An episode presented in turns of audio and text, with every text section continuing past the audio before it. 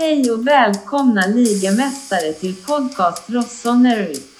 Avsnitt 107 köttar vi ungefär 100 minuter.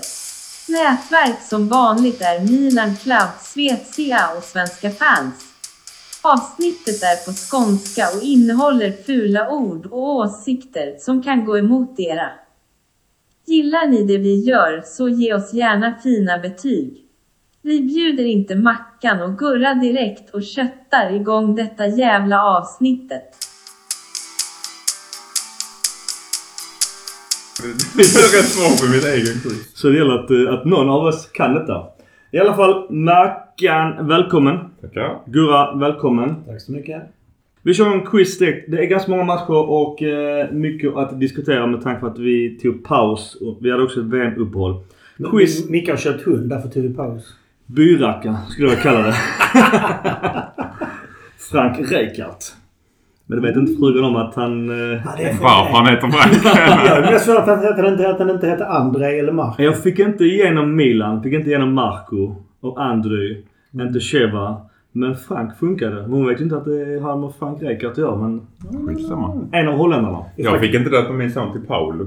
Dåligt. Jag tyckte Alltså, var det är ju- Jag tyckte det var jättedåligt. Ja. Du ska ha fler barn. Ja. Han, Med en annan fru. Hoppas inte hon lyssnar. tror hon lyssnar nog inte på vår podd. Hoppas jag. Då får vi redigera bort det där. har hon, har, om hon lyssnar på det och hör det, då redigerar vi bort det. Ja. Eller, okej. eller om lyssnar på det. Då får hon döpa om min son. Till Paul. Ja. Det, det, Så det, kör vi. det, Det det, kör är inte mer rätt. Sen kör vi.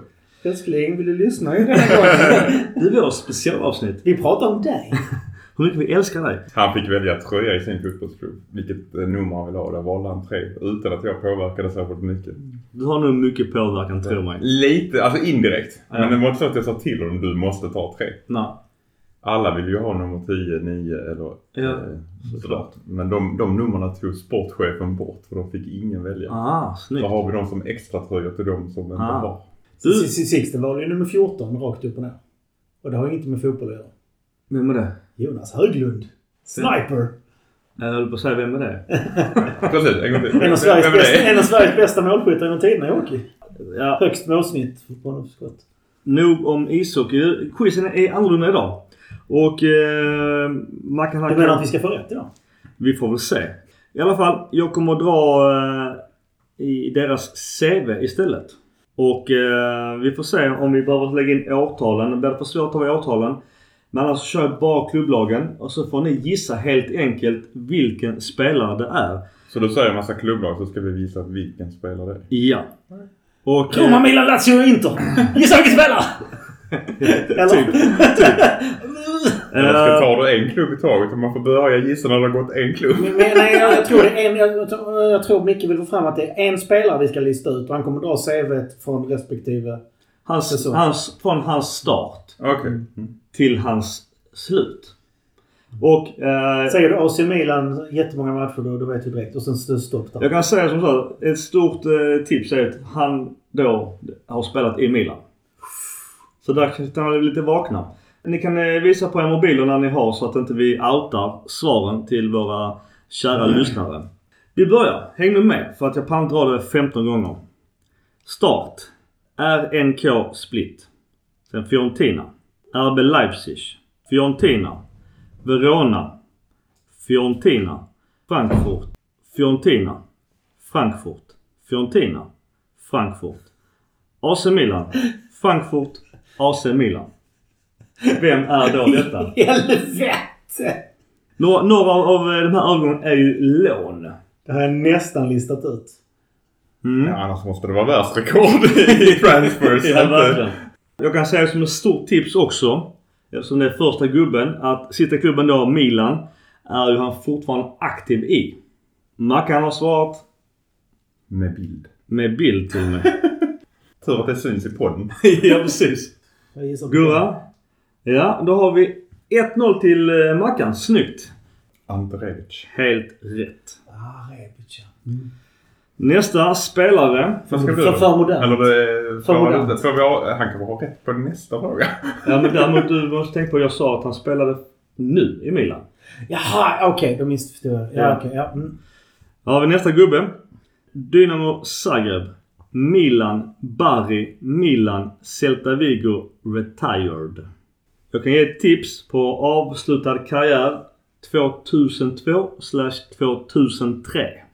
Det här är sånt som man känner som man borde kunna. Jag känner lite det också. Jag kan säga som så här, för, som tips. Han var med under Frank. Grande Milan. Frank kan. ja. Vänta lite, det- här är lite roligt. Om vi liksom råkar vrida oss lite fel så skäller han ut oss. Men han frikort. Ja, Byrackarna frikort. Byracka, ja. Hatar hunden redan. Det gör du inte alls. Hade hatat om du kastade ut genom fönstret. Ja, jag har försökt men frugan vill ju inte. Har vi några svar grabbar? Eller passar vi? Det är lite Vill du ha tramsigt. tips kanske? Ja. I Milan hade han nummer 10. Ja, okej. Ja, men då testar Ja. Då chansar vi. Ja, jag chansar på det. Ja. Gurra har chansat. Mackan har 2-0. Vad i helvete? Vem var det, Mackan? Bobban. Bobban ja. Jag, jag chansar på Savicevic. Nästa gubbe. Den här blir eh, svår. Till skillnad från de andra menar du? Jag tror jag... Ja, jag, jag hade två rätt. Jag kan Ja, ja, jo, jo. Men det var... Den första kunde jag, den andra var jag lite osäker på. ja, men ni får hänga med lite på... När du sa tipset, tipset Grande, Grande och första klubben, det är de man får tänka på. Ja, ja. Så här däremot. Denna, denna är, är svår. Det ska jag säga direkt. Här blir kanske några tips. Första klubb eh, Sevilla C. Sen eh, Sevilla B. Sen Atletico Madrid. Sen Milan. Eh, jag kan säga ett tips direkt där. Han kom till Milan för 19 miljoner euro. Säsongen 99/00. Och sen Atletico Madrid. Sen Milan.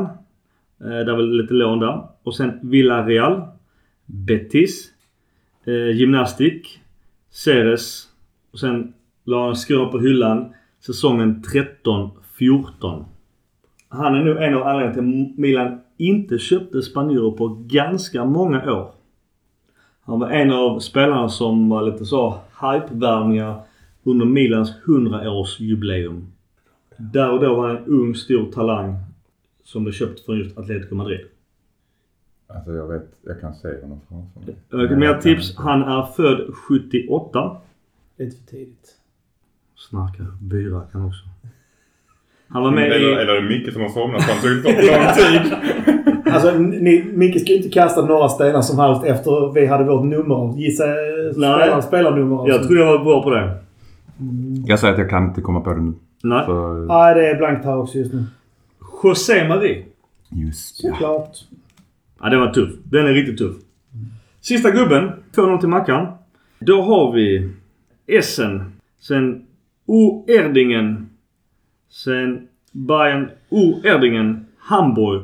Borussia Mönchengladbach. Casino Salzburg. Ascoli. Udinese. Milan. Ja, då var Milan, han kom till Milan 98-99 för hela 12,5 miljoner euro. Mycket pengar på den tiden. Och sen blev det free transfer till Monaco och sen sista klubben Chievo Verona eh, la skorna på hyllan 03-04. Tips. Han är född 1968. Ja, men jag tror jag har den. Gurra har svarat. Ja, jag har ändå vunnit så jag lämnar Rokogo på den här frågan. Gurra, vad har du svarat? Oliver Bierhoff. Helt rätt. Såklart.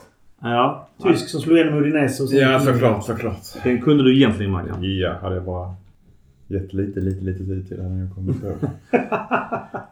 Vi går åt matcherna. Nej, nu ska jag äta din frus goda kaka så Ja. smaskar jag här. Jag bara Jag ska- ta på det Med, med tanke i snarkkonserten så är det fritt fram att göra ljud idag. Ja, Micke kan, Micke kan inte säga så mycket idag för småljud alltså. Ja, det var jävligt svårt att redigera bort hans jävla snarkningar. Så ni som lyssnar på detta och vill ha en hund så eh, kom till Lund och hämta. Passa på när frugan är på jobbet och jag jobbar hemma. Nej, han, Nej, han jag vet inte var han är. Han Han var bara precis. sprang ut från dörren. ja precis. Jag hann inte med det.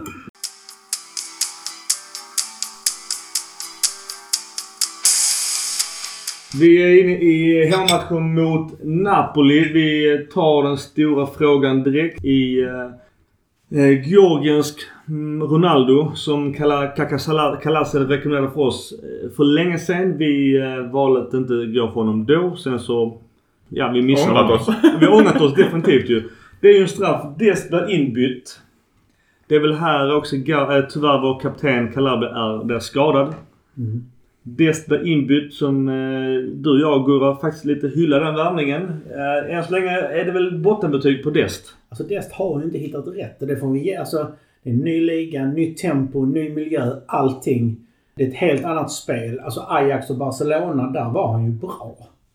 Så att eh, jag tror bara han får, får chansen så tror jag han kan bli bra. Men det har inte, som sagt, han behöver tid. Har vi råd att ge honom tid? Där är frågan. Nu ska jag klumpa matcher i vanlig ordning. Do it! Sista matchen mot Chelsea hemma. De, I 20 minuter var han helt okej. Jag skrev i vår interna chatt, fan vad dålig han är. Mm. Sen blev han bra i- Mm. i 20 minuter efter det. Kan du inte fortsätta skriva det? Jo, jag ska skriva det bara inför varje match. Men som, om jag tar en tillbakablick. Jag sa det också när jag hyllade, alltså, hylla kan fel ord, men jag, jag var pro värvning med tanke på Florenses skador såklart. Och eh, Calabria ensam. Att det var ju ändå en tanke att han skulle spela högerytter. För det gjorde han rätt mycket i Barcelona. Han spelade knappt högerback i Barca. Nu gör han det i Milan. Han gör inte det bra Milan. Eh, Men den här Alltså straff... hög, högerback i både Ajax och Barca är som en uh, dubbel högerytter typ. Ja, fair enough. Men, men ja, skitsamma. Det är ingen försvarsgeneral. I alla fall, han spelar högerback i Milan. Vad säger ni om den här straffen? Fast har ni tänkt på det? Vi värvade en annan eh, högerback för något, några år sedan. Som bland annat av eh, en, någon här i podden blev utsedd till Milans sämsta värvning någonsin. Och, men han behövde en halv säsong och sen kom han in och var riktigt bra. Fast han var höger, högerytter. Han värvades som högerback och sen flyttades han upp som högerytter. Ja. Till och med din eh, belgiska kompis du pratade med sa att han var högerback där. I, eh, när vi värvade honom. Men skit det, vi tar nu den här inte så bra nu heller. Nej, skadad. Sen har han blivit dålig nu. Men vad säger ni om eh, situationen? Är den... eh, är det soft penalty? Eller är det... Den tycker jag väl faktiskt är straff. Det är klart det är straff. Han, är Den, han sparkar ju på foten så att det är inget att säga om. Det är frispark var som helst. Sen att han kör döende svanen, det har inte med saken att göra. Mm. Men sparken går på La- Napoli-spelarens fot. Frispark var som helst i straffområdet. Straff. Det är inget att tjafsa om. Liksom. nej, jag tycker faktiskt att det, Ja. det är inte ofta jag eh, inte har hittat något sätt för att man håller på Milan att kunna bortförklara och tycka sådär. Men det här är straff. Ja. Och det är, så, det är ju i den 55 minuten eh, Politano gör ett dåligt straff som tyvärr eh, Mike som står där och då inte räddar. Det, det är nära. Dessförinnan då i halvlek så byter vi ut just Calabria och Kjär. Båda skadade. Vilket är ju ett stort avbräck. Har du inte tagit Susanne som stod där? Nej, det var eh, man, Han blev skadad Han blev efter. skadad efter. Han blev skadad precis vid landslagsfotboll. Vi kan säga också just det, på tal om Magnon. Att vi pratade för något avsnitt sedan, det var länge sedan. Hur bra kan man ranka Mike? Jag, jag hade svårt att säga att många, jättemånga målvakter var bättre än honom. Om man ser på hans transfersumma så är han ju sjätte högst värderade målvakten i världen. Och jag står fast vid det. Han ligger på topp 10. Och där är ett gäng målvakter som är väldigt svåra att ranka inbördes. Mm. De som ra- rankas av... Marknadsvärdet är detta ju i, Mark- i dagsläget. Vill- Inte, inte Ja, transfersummor eller något. Transfermarkts marknadsvärde på målvakter just nu så är Courtois etta på 60 miljoner euro. Donnarumma tvåa på 50, Alisson trea på 50, Ederson fyra på 45, Oblak femma på 40, Magnan sexa på 35. Sen kommer Mendy, Ter Stegen, Ramsdale, Ramsdale eh, och Pickford. Mm. I alla fall matchen. Okej, vi är överens om att det är På den straff. listan är typ Pickford 20 cm kortare än de andra. 55-punkten gör då Matteo Politano mål på straff. En bit därefter så byter vi in då Diaz som Messias. Radek och Selmak. Selmak gjorde ett jättefilmande svanhopp. Jag tänkte att det var jättetramsigt. Men han... Eh, det var ju där han blev skadad. Jag tänkte vad fan håller på med? Det var så uppenbar filmning. Sen ligger han kvar och blir ut. Så, om du ska, så att om du ska börja filma får du träna fallteknik? Ja men lite så. Någonting har ju hänt. I, för att det var ju ingen jätteful smäll så. Eller så, insåg han, eller så insåg han att det var en så dålig filmning så han var tvungen att fejka en skada och fortfarande skyller på att han har ont. För att han inte ska bli uthängd som filmare. Ja, då är det, det är tufft. Han filmar faktiskt fortfarande, kan, kan jag tycka. Ja, Jag vet inte, han är väl borta nästan två månader. Jag kommer inte ihåg exakt skadehistoriken men det är, det är fullt i Det är fullt. sjukstugan. I, Sjukstugan, som vanligt. Ja, det är mycket. Vi ska säga också att eh, därefter de här bytena, då kommer Diaz in och Messias. Så gör eh, Giroud ett jävligt snyggt mål. Theo Hernandez, det är ju riktigt sån Fifa, klapp-klapp. Supersnyggt mål. 1-1 i 69 Där där tycker jag vi eh, äger matchen igen. Jag, alltså, jag tycker det är tufft att vi eh, inte, att vi inte får med oss en enda poäng. Är det, är det, speglar det matchen att vi inte får 0-0? Eller någon poäng alls? Det tycker inte jag. Jag tycker faktiskt att vi är bättre än dem spelmässigt. Ja, vi har ju någonting i den här matchen men vi får inte ut det. Så kan man väl säga. Vi, vi fallerar på det känns lite mer individuella misstag, slarv, otur med skador. Eh, vi borde tagit hem den här. Men det här känns lite Kom- grann som Milan för några år sedan. Kommer ni ihåg det? När vi, när vi var bra men vi fick inte riktigt det, det i mål hela tiden. Sen Meret gör ju två rätt superräddningar som sen han tar i virket därefter. Det är ju jävligt oflyt. Både Giroux frispark och sen så har väl, är det Giroux också som har ett läge där han tippar den i ribban eller vem fan är det? Nickar va? Nick- Ja, det är fall två i virket. Mm. Så det är, det är oflyt men rätt eh, gör ju det riktigt jävla bra. Sen måste jag ändå ge stor cred till han Ming Ji. Deras sydkoreanska mittback som ersatte Koulibaly. Ja, alltså det är ju sån jävla ninjavärmning från Napoli. Det måste man ju säga. Var det Fenerbahce eller sånt han kommer ifrån. Och går rätt in i Serie A. Är det det här Kalulu ska göra mål? Just det, han drar den i ribban. Han drar väl den i ribban. Ketterland Just eh, serverar honom väl? Jag tror det är Giroud. Är det inte här en av de chanserna Ketterland... eh, Jag tror Hernandez ger den till Giroud va? Och sen... Jag kommer inte ihåg. Jag strunt samma. Jag tror att han har öppet mål i Ja. princip och drar den i ribban. Stenhårt. Mm. Den darrar ju fan än. Eh, jag måste också ge betyg till eh, Anguissa. Han fick inte ett bra betyg mot oss men fan han har varit bra i eh, Napoli. Otroligt mycket cred för honom också. Jag ska bara säga också det att publiksnittet, vi ligger ju med fjärde högst i hela Europa och mot Napoli hade vi åten över 70 000, närmare 73 000. Och det är därför jag säger att vi kan inte bygga en stadion med färre än 80 000 platser. Nej. Det, det, det är vansinne. Det är självmord. Och då har vi ändå tre rätt stora sektioner på Ring 3 över Kurva Syd som är helt avstängd. De- De hade varit fulla också i dessa matcherna så det har ju varit en bra bit över 75. Är det inte mitt emot Kurva Syd? Nej. Ovanför. Ovanför bortaklacken har du ju avstängda sektioner. Ja, där- och, Jag tror det ja, är stora delar av hela tredje ringen som jag... ja, i alla fall. Det är ju tre stora sektioner på s- Det har väl gått... Det har väl varit 90 000 någonting som mest. 88 tror jag. Var till eller- VM 90. När de byggde Ring Det 3. kan vara... Ja. Officiellt. Mm. Inofficiellt var det över 90 om Ja. jag har läst rätt. Där är sitter, det sitter rätt tajt, alltså tätt. Det är ju Mm. inte... Ja, du har inte gått en plats men du ser vansinnigt bra Ja, Jag står fast vid det. Vi Ja. ser, alltså, jag såg bättre från ring 3 än ring 2 när vi satt där. Ja, vi satt på rad 1 på ring 2. Det var lite miss för att eh, vi hade ju... Ja, skitsamma. Ja. Jag håller med. Alltså ring 3 är underskattat. Man ser faktiskt. bra på San Siro generellt för att vara så gammal. Jag lyfte sist... Eh... Här får vi väl lägga till att det är ju den här matchen jag är avstängd. Ja. Ja. Efter hans Och jag tror att det hade ändrat matchbilden ännu mer till vår favör. Om han hade varit med. Och här spelar vi Kronic som vänsterytter från början. Här hade vi ju inte Rebic i form till Alltså han var ju fortfarande skadad. Mm. Vi hade inga anfallare mer än, än Giroud. Nej. Och han, vad heter han, eh, Jugoslaven, han är ju skadad också. Ja, Lasetic. Lasetic. Är Ja. skadad. Och Ridi var väl i Belgien och gjorde rehab Ja. tror jag. Så att det, Det lönar sig när den resan. Ja. Han är i alla fall skadefri nu. nu ja. Ja.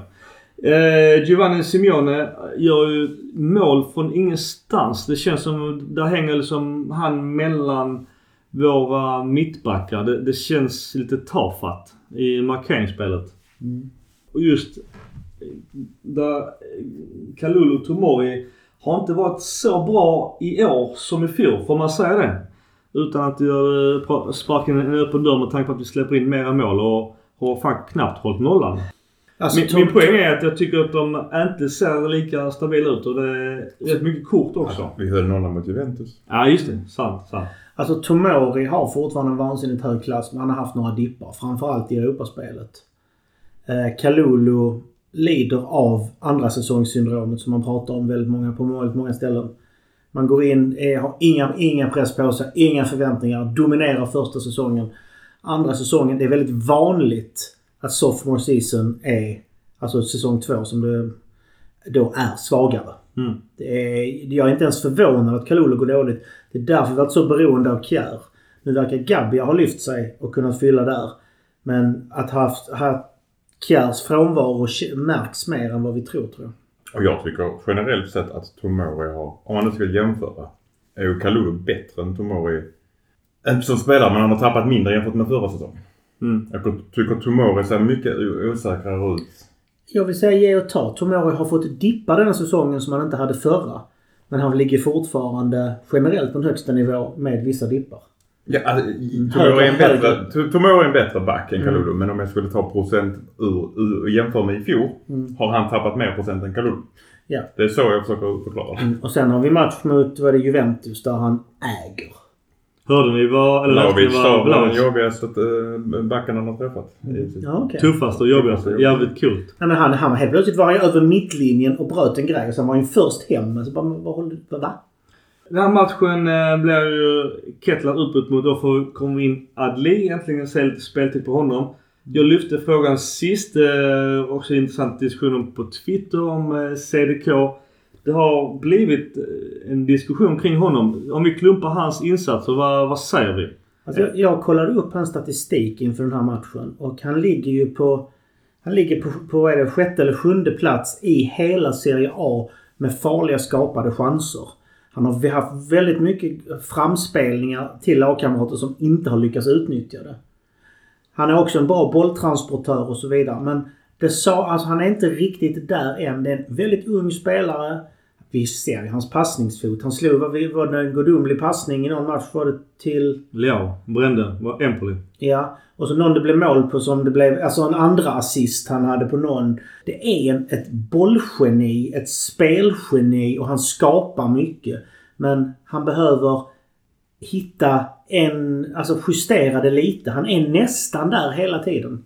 Att såga honom nu känns dumt. Som sagt, han har över 80% i passningsprocent. Han har bland de topp 10 mest flest skapade chanser åt sina lagkamrater i hela Serie A. Att han bara har en assist istället för fem. Det känner jag, det har lika mycket att göra med att vi har lagkamrater som inte kan utnyttja chanserna. Min take i det hela som jag sa inför det är att kommer från en mindre liga. En ung spelare, enorm talang. Och kommer till en prislapp där man har, jag har och nu många en hög förväntningskurva på honom. Och jag är lite rädd också att åt den här pressen med både prislappen att vi måste ha en AMC som fungerar. Han är då vår Messias fast en Messias på riktigt. Inte Messias eh, postbudet. Och det blir tuff press. Sen så, så, sen så som vi har varit inne på i vår interna chatt och jag hoppas och tror det också. Samma utveckling kan likt Tonali, Leao med flera. Att år två är hans grej. Min take är, hoppas bara att han själv vet att nej men jag kommer spela med kvalitet. År två, år ett är liksom någonstans fortfarande se och lära. Så att han får dåligt självförtroende. För dåligt självförtroende det, det blir så jävla negativ spiral. Sen tror jag inte det för att vi kommer inte ifrån att han ändå spelar bra. Men han är inte så bra som alla förväntar sig. Man kan vara säger CDK. Alltså jag förväntar mig inte mycket mer om jag ska vara helt ärlig. Jag sa det i, ditt, i vårt första Twitter-snack. Mm. Att jag hoppas verkligen att vi ger honom tid att acklimatisera sig. För han har säkert jättehöga krav på sig själv utifrån prislappen. Han behöver inte krav från oss andra just nu. Mm.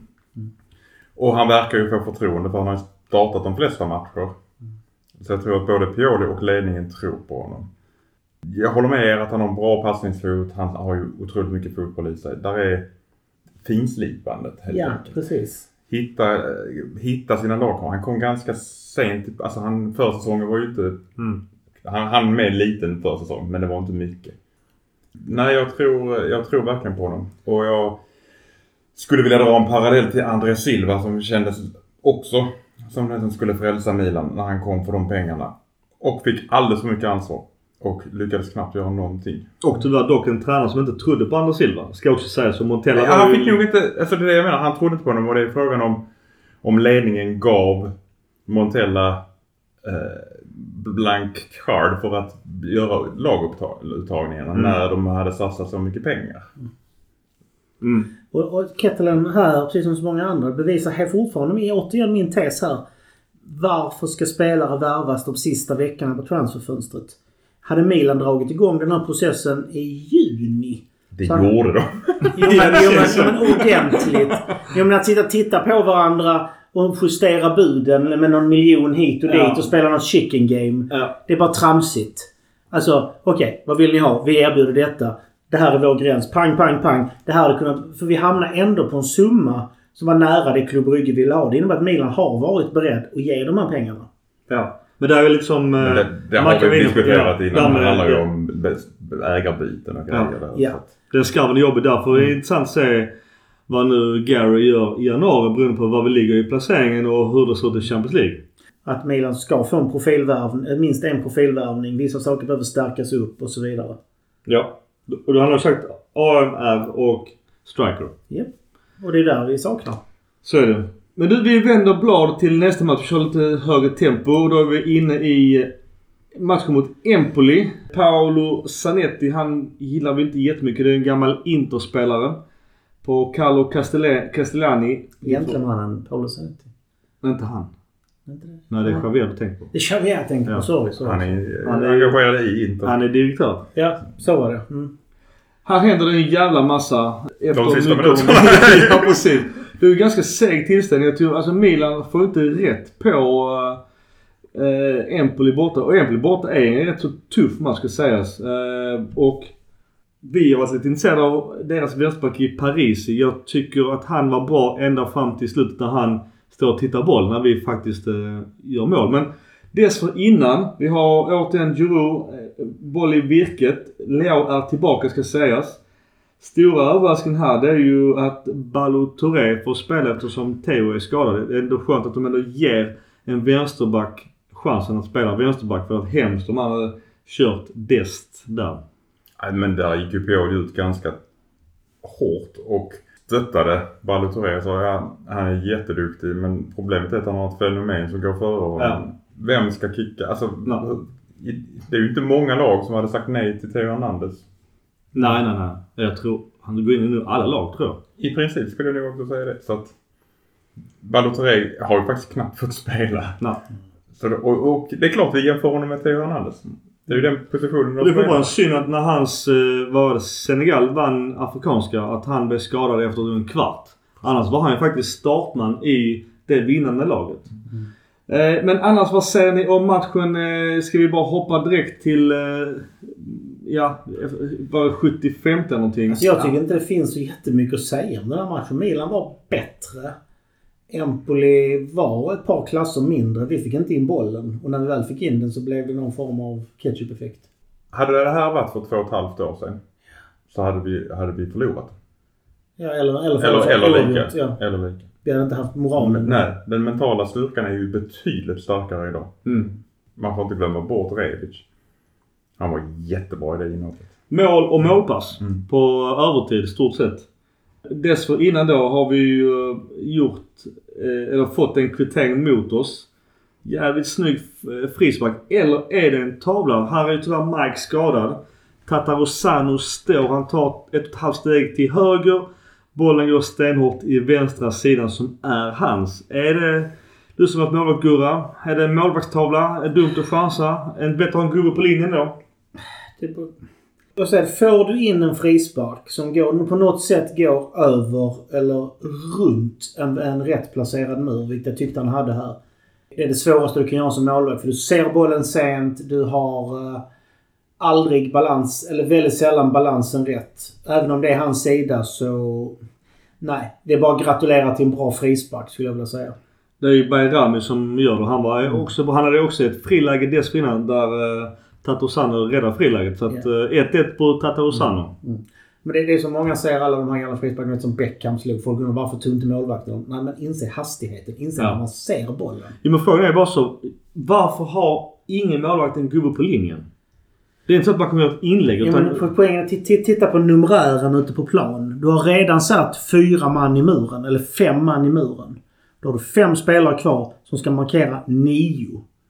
Du kan inte ta bort en till, då har du fyra. Alltså, då kan, får du en sidledspass, du får någonting annat. Mm. Så att du, du, du, vill, du vill inte tappa numerären ute på planen. Alla zonmarkering, all man-man-markering, allt är skjutet i sank när du tar bort halva laget från mur. Okej, i alla fall. näst- 1-1 efter då 90 plus. Ändå känns det lite uppgivet och en på 4 som de vore vinnare av eh, något VM. Eh, minuten senare då Radek Krunch går ju upp eh, väldigt ensamt mot lille Paris som vänsterback.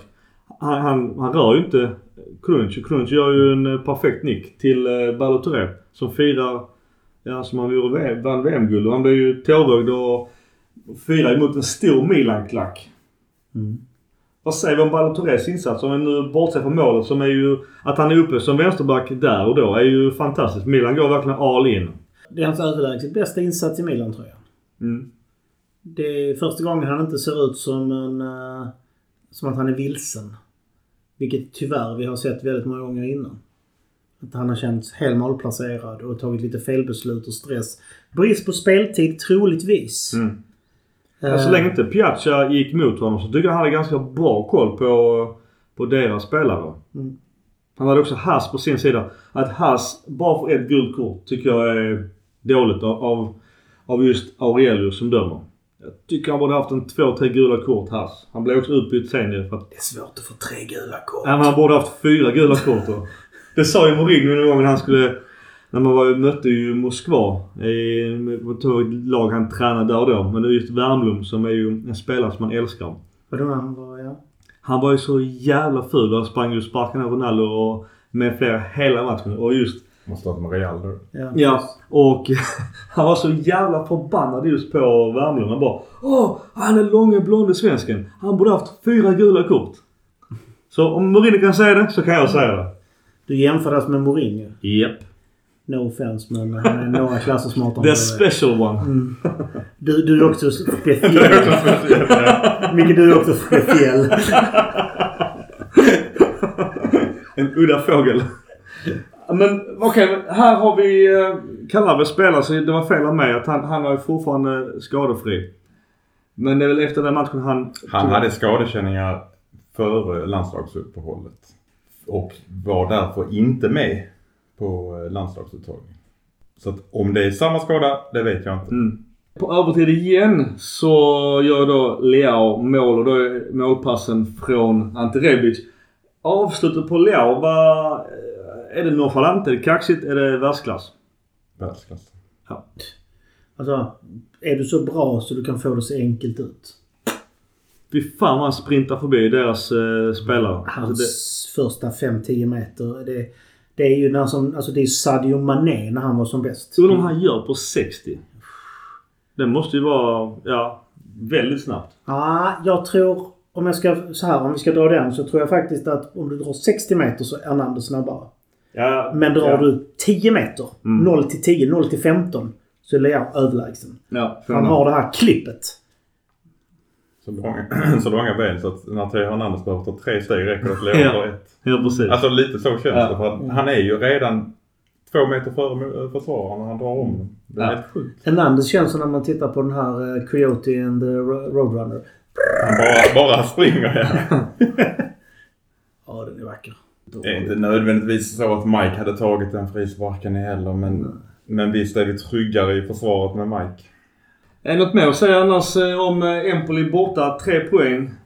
Det är ju en jävla moralvinst att ändå vända steken på övertid och göra två där. Empoli har redan kastat hem eh, sina, sin poäng där. Ja, men alltså det hade varit förödande att förlora den här matchen om vi vill vinna ligan igen. Ja. Det är inte en match vi får tappa poäng i. Det är ju sån här match som man ska ha, eller lag man ska ha sex poäng på. Även om Em- Empoli borta är ett tufft eh, lag att möta borta. Absolut. Moralvinst. Alltså gånger två. Både moraliskt starkt att klara av att vinna den och stärker moralen. Ja. Vi går vidare. Och då är vi inne i Champions League. Och här, vi kan klumpa Champions League för det, de här matcherna var ju inte jättekul och tyvärr för oss milanistas. Eh, Graham Potter är ju numera tränare för Chelsea. Vi alla känner honom från Ör, eh, Östersund. Eh, dessförinnan sen också Brighton. Han, han har gjort, alltså han gör ju Han är bra. duktig. Detta, detta är första matchen han coachar Chelsea. Och han har ju själv sagt att eh, det var... ehm, jag kände inte spelarna när jag skulle ta ut laget. Mm. Jag fick rådgöra min assisterande för jag visste inte vad alla spelarna gick för. Visste knappt vad, alltså vad de hette utan liksom kolla på tröjorna. Ja. Så det var lite intressant. Vi förlorade borta 3-0 inför 40 000 på Stamford Bridge. Och alltså det, alltså det är hemskt att säga det men det kändes fan som vi var en man mindre även här. De, de, är, de är ju... Alltså det är ju... Titta på spelarna. Kepa i och för sig, det är en okej målvakt. Men Koulibaly, eh, Fofana, världsklassbackar. Ja. Kovacic, världsklassmittfältare. Mason Mount och Sterling, topp, topp, topp. Kanske inte riktigt världsklass, men inte långt ifrån. Två av världens bästa ytterbackar, Reece James och Ben Chilwell. Ja, James var ju fruktansvärt bra. Ja, ja. Alltså, tog ju bort... Eh, Alltså att Chelsea inte har fler poäng i ligan tror jag beror på något strul med Tuchel innan. Men nu när Potter får ordning på det här, det kommer vara hur bra som helst. De vilar ju spelare. De kan ha Kai Havertz och Jorginho på bänken. mm. Ursäkta men... Det som jag sa, jag, jag står fast vid det jag sa när vi pratade om det här innan när lottningen var klar.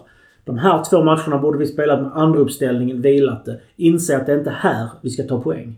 Jobbiga är ju att vi tappar ju poäng mot eh, Red Bull borta och de tappar poäng nere i, i Zagreb. Det är därför vi båda lagen går för det. Sen är de ju otroligt mycket bättre. De kör ju sin 3-4-2-1 variant och, alltså fan vi blev helt utspelade. Chelsea nu kör en 5-3-2.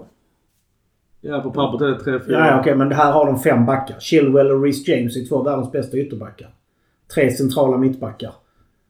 Ja.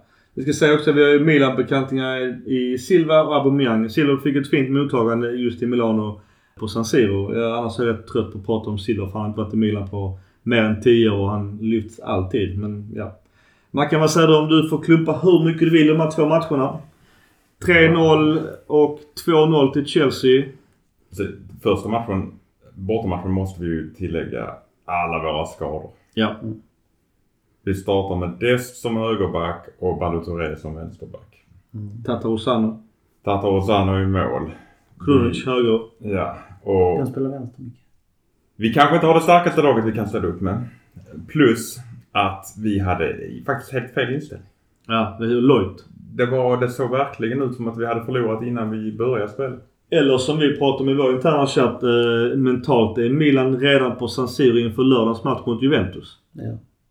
Och därför jag säger det, alltså sagt Chelsea-matcherna, det är matcher vi skulle kunna ha vilat alla ordinarie startspelare. Det gör inget att förlora de matcherna. För inbördes möte går före i, i eh, tabellen ändå i Champions League. Mm. Så att vi skulle fokusera på de andra fyra matcherna. Det är där vi ska ta poäng. Och det är väl inför London-matchen borta vi visar upp våra vita jackor som kostar 42 000 kronor styck va? Åh, helsike, de är så fula! Mackan, du som eh, har är lite modesinnet av, av oss tre i alla fall. Vad säger du om Det, den här det, det, är det? Macka som sitter här med en Hilfinger-tröja. och Jag, jag sitter med en, eh, en Kickstarter-t-shirt. Nej, idag har jag snyggast och, och tröja. Micke med någon eh, gammal fotbollströja. Maradona.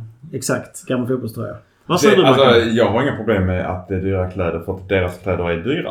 Ja. Slut. Alltså en t-shirt kostar 7000 spänn. Oj jävlar. Om du inte har Milan, någonting med Milan. Så att, Men hur tänker man när man vill sälja det till gemene fotbollssupport? Ja, det är helt kört. Det är mer än vad jag har lön brutto. För den jävla jackjäveln. De, de, jag tror inte de har funderat. Alltså, Milan kanske kan tjäna på det på något sätt. Jag vet inte riktigt hur. Mer än att de får skitdyra kläder gratis. Men hur tror de att...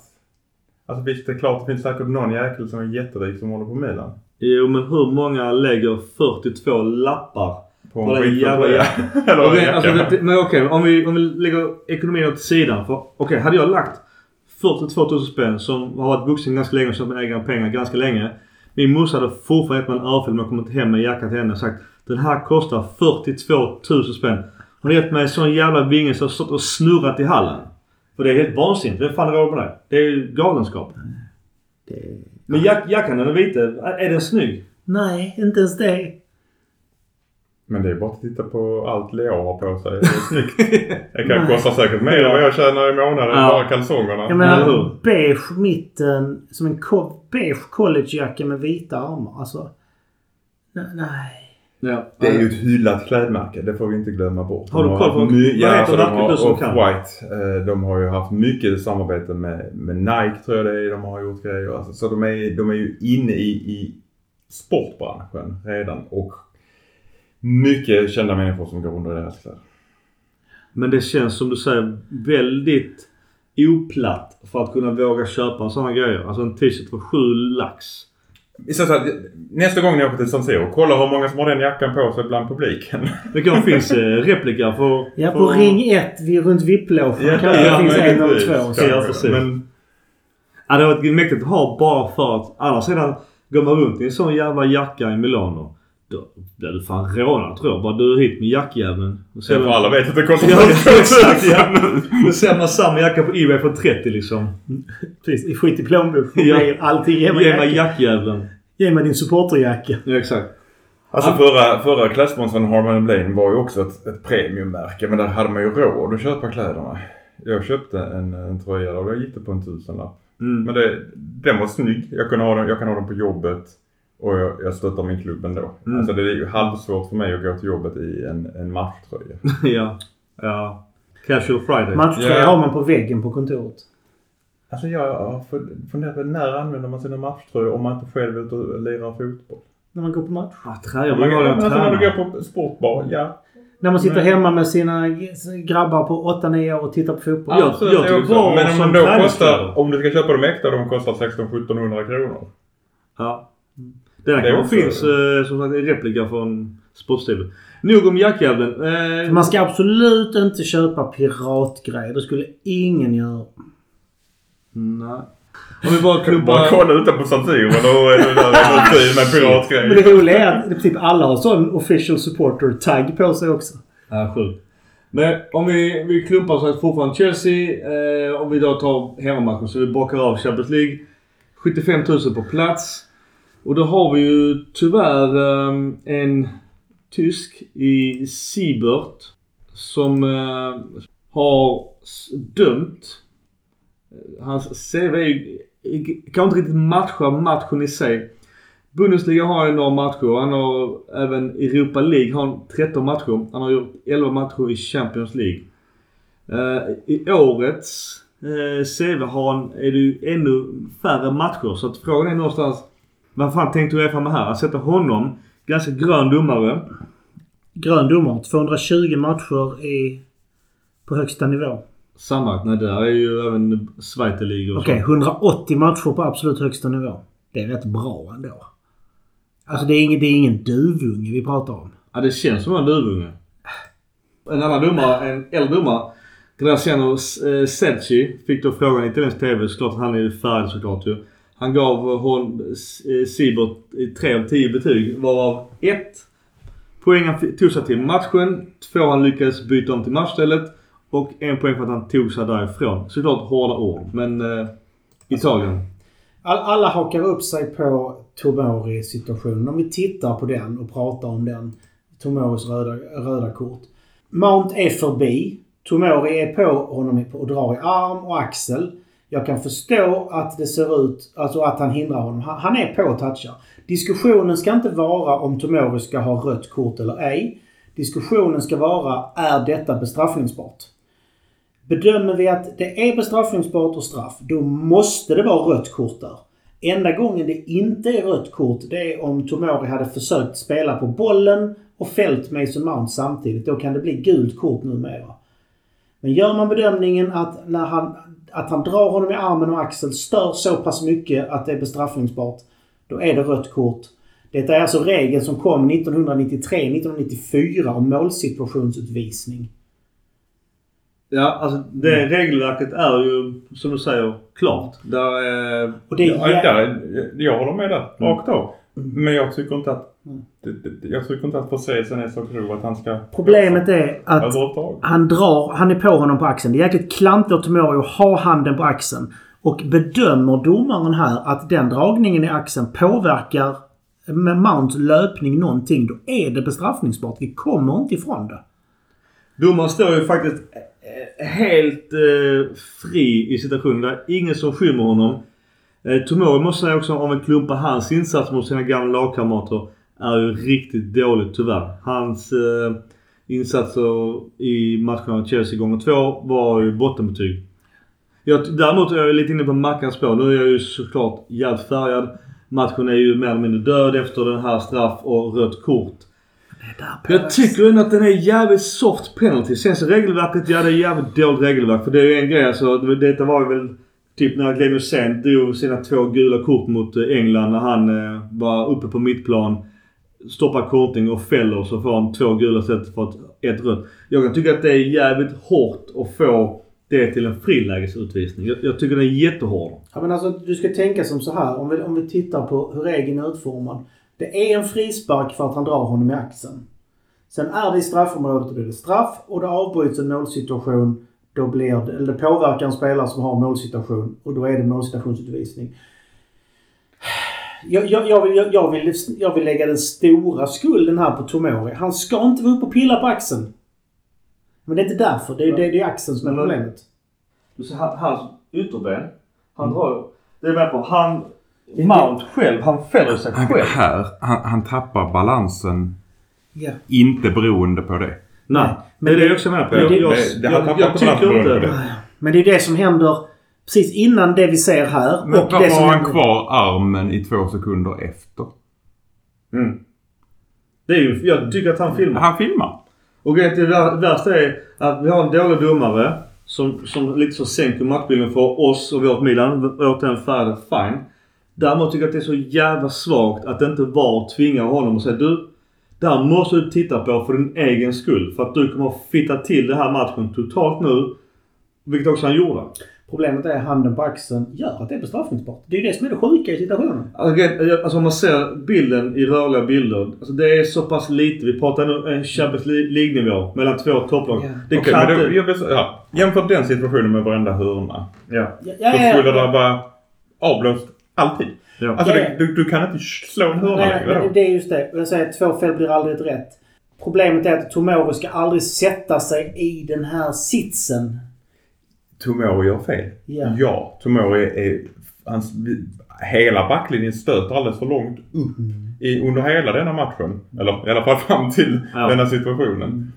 Så Eh, att det, det är där absolut jag, Tomori ska ha sin skit. Men jag tycker fortfarande inte att det är bestraffning. Sen är det ju det att det VAR tittar på här. För du säger domaren har frisikt. VAR kan han säga till om. Du, kolla. Eh, du, nej, jag har sett detta. Jag ser det bra. Och de ser att det är kontakt på axeln. Och då har jag en bedömning att det påverkar. Och då är det frispark, straff, utvisning. Nej, jag, jag håller med. Jag, jag tycker fortfarande att eh, den handpåläggningen, det är dåligt av Tomori. Punkt. Det är vi alla överens om. Det är svagt försvarsspel. Han är redan efter. Det är, alltså, Tomori gör en usel insats både här och överlag dessa två matcherna. Däremot, hans stora balanstapp, det är att han själv sparkar i gräset. Mount. Det är där han stor tappar, tappar, eh, tappar sin balans. Och lite som du är inne på Mackan, han håller ju gärna kvar sin vänsterhand mot Tomori för att det ska se ut som att han blir hållen i armen. Eh, och det, det, det är klart att en domare, det går så fort att man kan ta det. Därav finns det ju en videogranskning som kan bara så i stillbilder, eh, reprisbilder, slow motion, olika vinklar. Alltså se en bild från andra hållet. För nu, nu ser han, nu ser det exakt hemskt ut utifrån hans vinkel. Problemet är att det, det, det, han har inte uppenbart gjort ett fel eftersom Tomori har handen på axeln. Och jag tror det är därför som han inte ens själv vill gå ut. Och sen blev det också den här att i samma match då blev ju alla vi melanister irriterade för att Sterling då går in, om man nu återigen ska se liksom regelverket. Han går in med en rak, ett rakt ben sulan före på, det är väl Krunic va? Som, som tar hans knä liggandes. Där får han ju gult kort efter mycket protest för det är rätt mycket hit kring då Siebert. Däremot så, där kan jag också vara så eh, men du vet, alltså jag, jag håller med. Två fel var inte ett rätt. Absolut inte. Men men eh, om man nu ska prata, åh regelboken, man får inte göra si och så. Okej, kan- då kör vi straff varje hörna. Och det här med Sterling mot Krunic är ju garanterat ett rött kort. Jag kan förklara varför det inte blir rött kort här. Det är inte att sitta och försvara domaren hela tiden. Jättegärna. Men eh, det finns vissa kriterier för att det ska bli ett rött kort. Det bedöms hastighet, det bedöms hur man utsätter andra för fara. Problemet här, den här bilden är ju rätt missvisande. För Sterling har ju knappt styrfart när han går in där. Han snubblar fram och nästan ramlar in. Benet är sträckt, absolut. Dobben är där. Men det finns ingen hastighet, det finns ingen kraft i den här kontakten. det är fortfarande skaderisk ju. Det är därför, som jag säger, som det inte blir rött.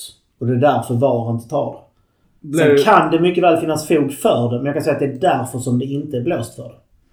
Det är, man, man, så man blir ju lite besviken ändå som eh, håller på Milan att just Champions League, man har ju såklart flera incidenter tidigare. Nu ska vi inte älta gamla snack med Atletico hemma och, och andra United borta etc. i Europaspelet där vi blir lite bortblåsta. Men det är ju någonstans en, en bitterhet att eh, den matchen är ju totalt död. Och det, nu har vi ju lite tvång på oss att leverera mot eh, Red Bull hemma och Zagreb borta. Vi har det faktiskt i egna händer. Vi har inte gjort en dålig Champions League. Vi har förlorat två matcher som vi skulle förlora. Eh, jag säger som så. Vi har ändå... Alltså, två segrar nu och vi är vidare. Ja. Kan till och med räcka med en seger och en oavgjord för att gå vidare. Vi är där vi borde vara i Champions League vid den här tiden. Kanske skulle haft två mer poäng, men inte mer än så. Något mer positivt Mackan, vad säger du om vårt tifo Let's Go Milan inför Chelsea hemma? Alltså jag tycker, jag tycker ju de här tifona är de fina. Ja. När man drar ut, alltså det är ju skitkul när du drar ut en plansch som är, eller som poster som är målad och det är jättefint, bra gjort. Men det här är ju mer koordinerat. Jag tycker det här är Ja. coolare. Ja. Jag måste ju säga att i, trots att vi var en man mindre i 70 minuter. Mm. Tyckte jag att vi stod upp jäkligt bra. Ja. Nej, men det gjorde vi. Vi hade ett par chanser där vi faktiskt borde gjort mål. Ja. Dest hade ju ett jätteläge. Han drar ju för kung och fursten. Hade han bara dragit en bredsida så... Ja. Vad hade det varit? jag, jag får säga att jag, jag tycker insatsen i London var under kritik. Det var under vår nivå. Delvis beroende på inställning men delvis beroende på skador. Denna matchen, Tomori, jag ska inte säga att han är under kritik för jag tycker faktiskt inte att det är så farligt egentligen som sagt var. Han får ingen chans att visa sig. Nej. Men eh, här är vi faktiskt ganska bra. Benazer tyckte jag var fantastisk igår. Ja. Som han jobbar.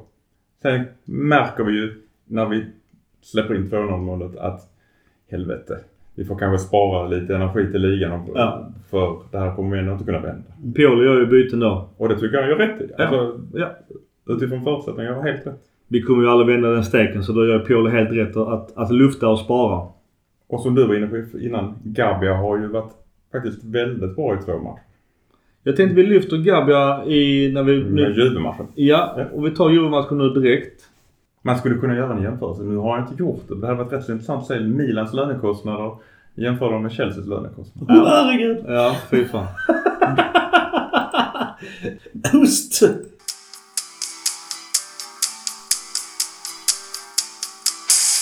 Däremot kan vi göra en jämförelse med, med Juventus lönekostnader.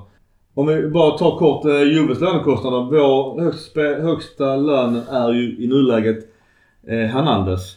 Sen så är det ju tyvärr Dest som har sin Barcelona-lön. Barcelona-lönerna är ju bisarra men jämför då med... Du kan nog nämna att eh, tjänar mest hos oss tjänar 4 miljoner euro. Ja, precis. Och 4 miljoner det är ju sånt du har, jag skulle säga minst en, två, tre, fyra, fem. Du har, minst 4 miljoner har Daniello, Quadrado, Chiesa, Bremer, Di Maria, Alexandro, Chesney, Bonucci, Vlahovic, Rabiot, Paredes och Pogba. Så det är så många som har mer än han som tjänar mest i Milan. Bara för att göra liksom en, en jämförelse. Lägger också där till eh, Allegri som enligt eh, inte Nedved, vad heter den andra sportchefen eller lägaren i Juventus. Han menar på att eh, Allegri sitter fortfarande säkert. Så det tackar vi för. Även efter de förlorade mot Maccabi Haifa. Tydligen. Ja, tydligen. Jo, men ni vet varför va? Juve har så ont om pengar så de har inte råd att sparka Ja, Allegri. Det är därför. Så är det. Jag ska bara säga att jag var med i en eh, Juventus-podcast inför matchen mot Juventus och eh, min eh, tanke kring det föll faktiskt in. Men matchen i sig, innan det så bara tar vi åt en tifo. Världsmästare i tifo. Är Milan det? Eller en av dem? Mackan, du som också är glad för tifo. Vad säger du om det här tifot mot Juventus hemma? Det är också väldigt vackert. Än en gång, koordinationen. Koordinerat. Jag tycker det är fint. Ja, det är vackert. Nej, jag tycker det är världsklass. Det är fantastiskt jävla snyggt. Och det var ju inte bara, här var det ju större del av arenan. Ja, egentligen hela förutom just den norra sidan. Precis. Matchen i sig. Vi, vi tar först eh, den stora händelsen. Det vill säga att statyn, kaptenen Bonucci med det stora lönekontot och den ännu större flabben. Han står på mittplan och tittar på när Diaz gör sitt bästa han har gjort i Milan hittills. Kan man säga så? I den här matchen, Diaz var ju...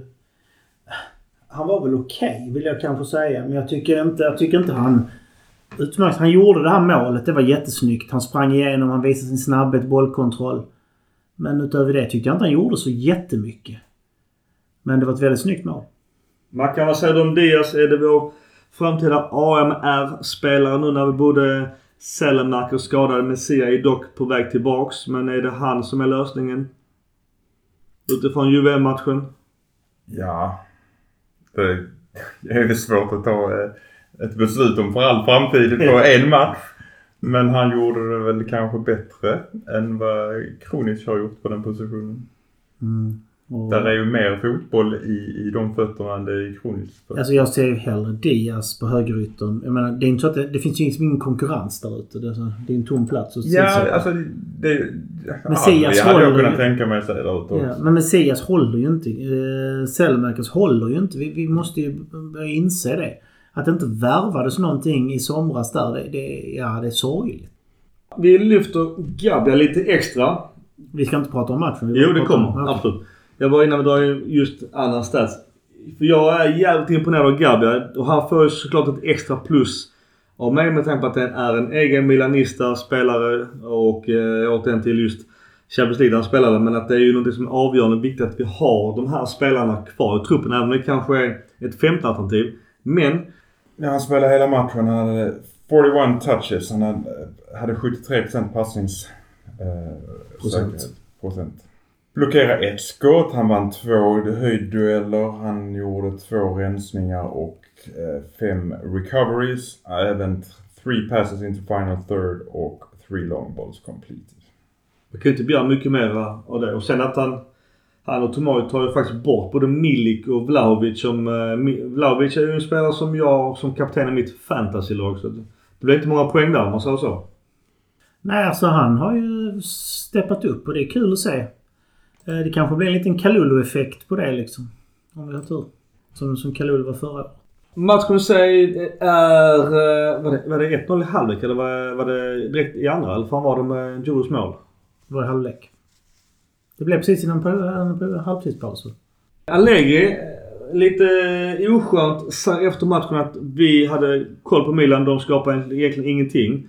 Han glömmer då däremot att Leo har två i virket också. Eh, Ja, vänta lite. Vad sa vi? gjordes målet före eller efter halvtidsvila? Ett Tomoris 1-0 mål.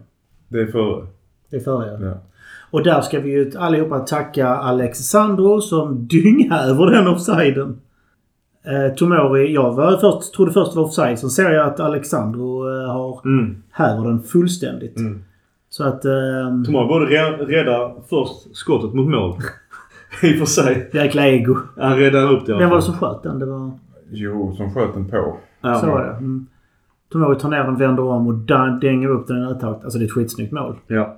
Men hade Alexander gjort sitt jobb så hade han ju varit offside. ja. Det är bara att konstatera. Så. Det såg man även nu. Nu blir det inte så... Ja, skitsamma.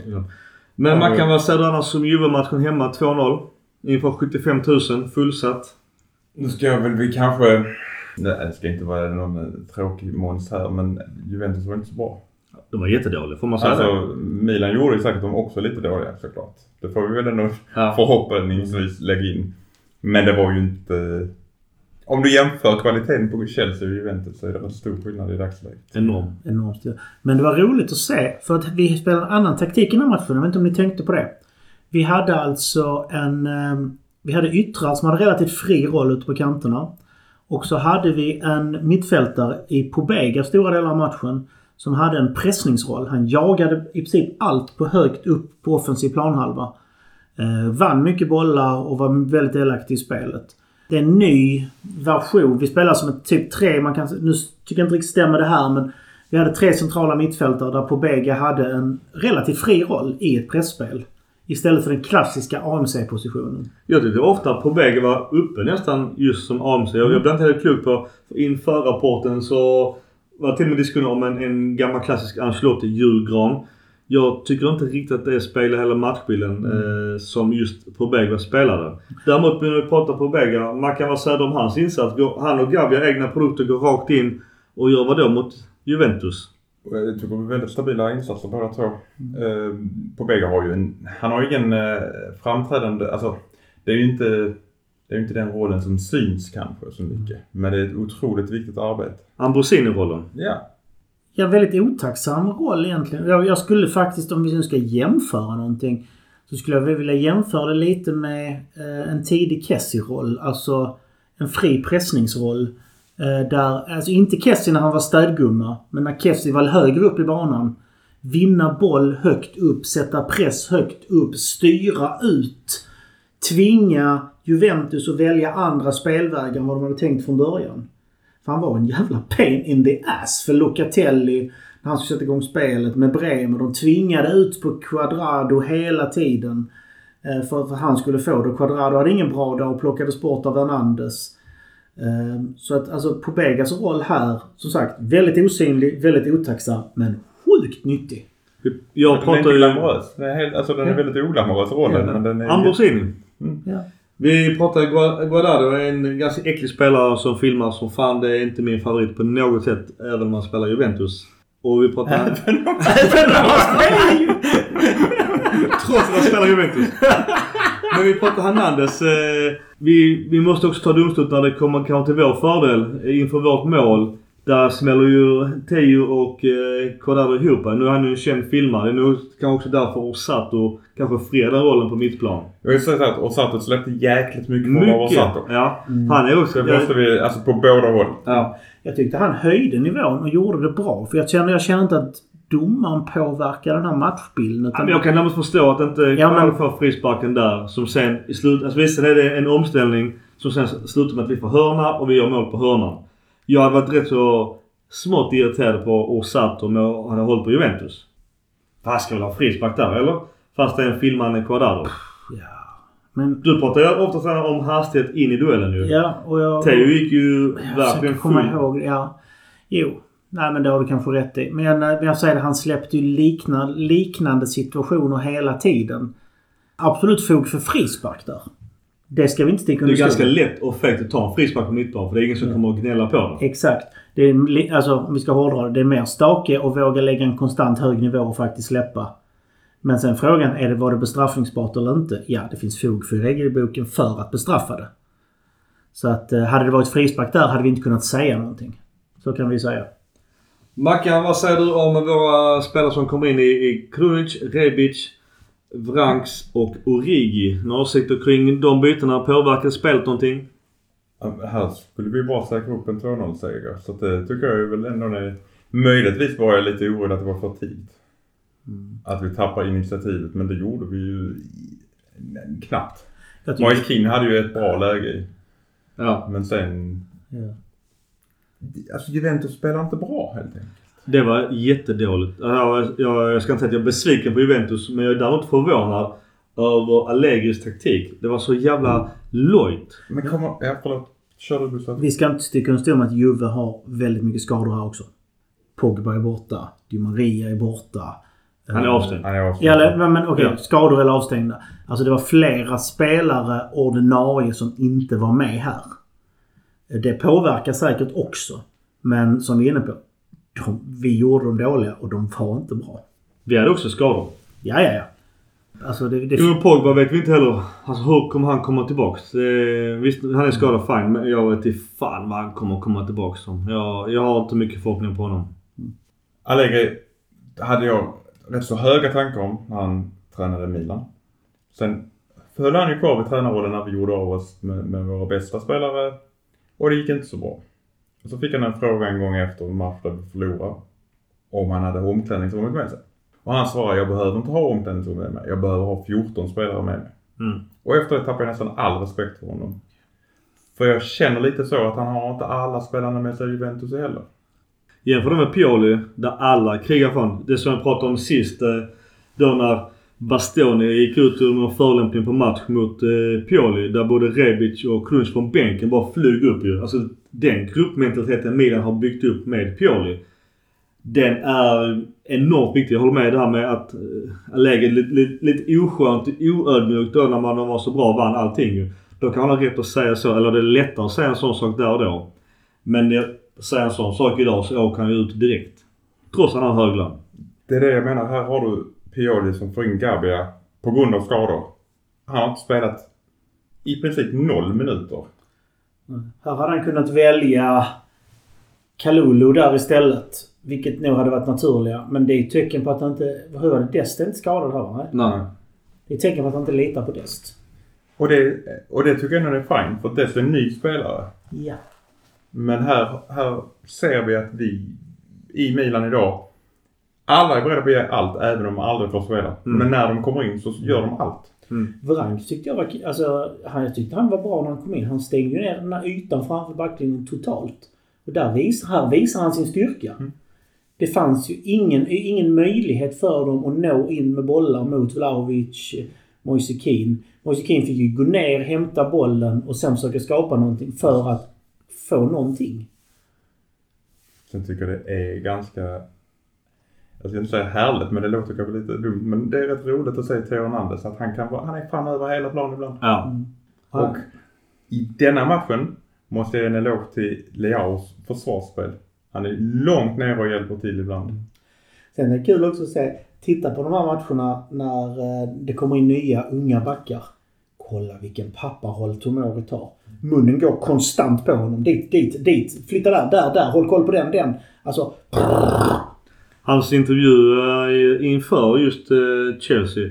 Jag blev ändå förvånad hur bra italienska han pratar. Han har inte varit i Italien jättelänge. Han, han gör det i intervjun. Nu kan inte jag italienska. Men det låter som att han pratar flytande italienska på ett jävligt snyggt sätt. Nej, imponerande på, på många sätt och vis för Tomori. Och det är som du var inne på innan Mackan. Vlahovic då som kanske ses som ligans bästa anfallare kanske. Han sa att, att Tomori var den, var den värsta spelaren han har mött rent fysiskt men här helt plötsligt ser man Tomori bryta på offensiv planhalva och sen ändå vara först hem. Ja. Jo, Juve hade något uppspel. Helt plötsligt ser man Tomori klippa över mittlinjen, bryta bollen och backa tillbaka. Han var kung den här matchen. Vi ska säga det just i Serie A. Nu har det gått nio omgångar. Vi ligger parkerade på 20 poäng. Vi har Udinese, Lazio, Atalanta och Napoli för oss. Eh, Det är ju tätt såklart ju. Det är ju tyvärr Napoli-matchen hemma svider ju som fan. De har inte förlorat på... Ja, har de förlorat överhuvudtaget? Det vet jag inte. Men vi har ju vår förlustkolumn just mot Napoli. Annars har vi ju ja, nio plusmål. Så det, det ser ju bra ut. Första nio omgångarna. Fjärdedelen. Det får man väl säga. Jag tänkte ta efter 10 omgångar så uttalar jag första 10 omgångar ett nytt livesnack där alla som klart är välkomna.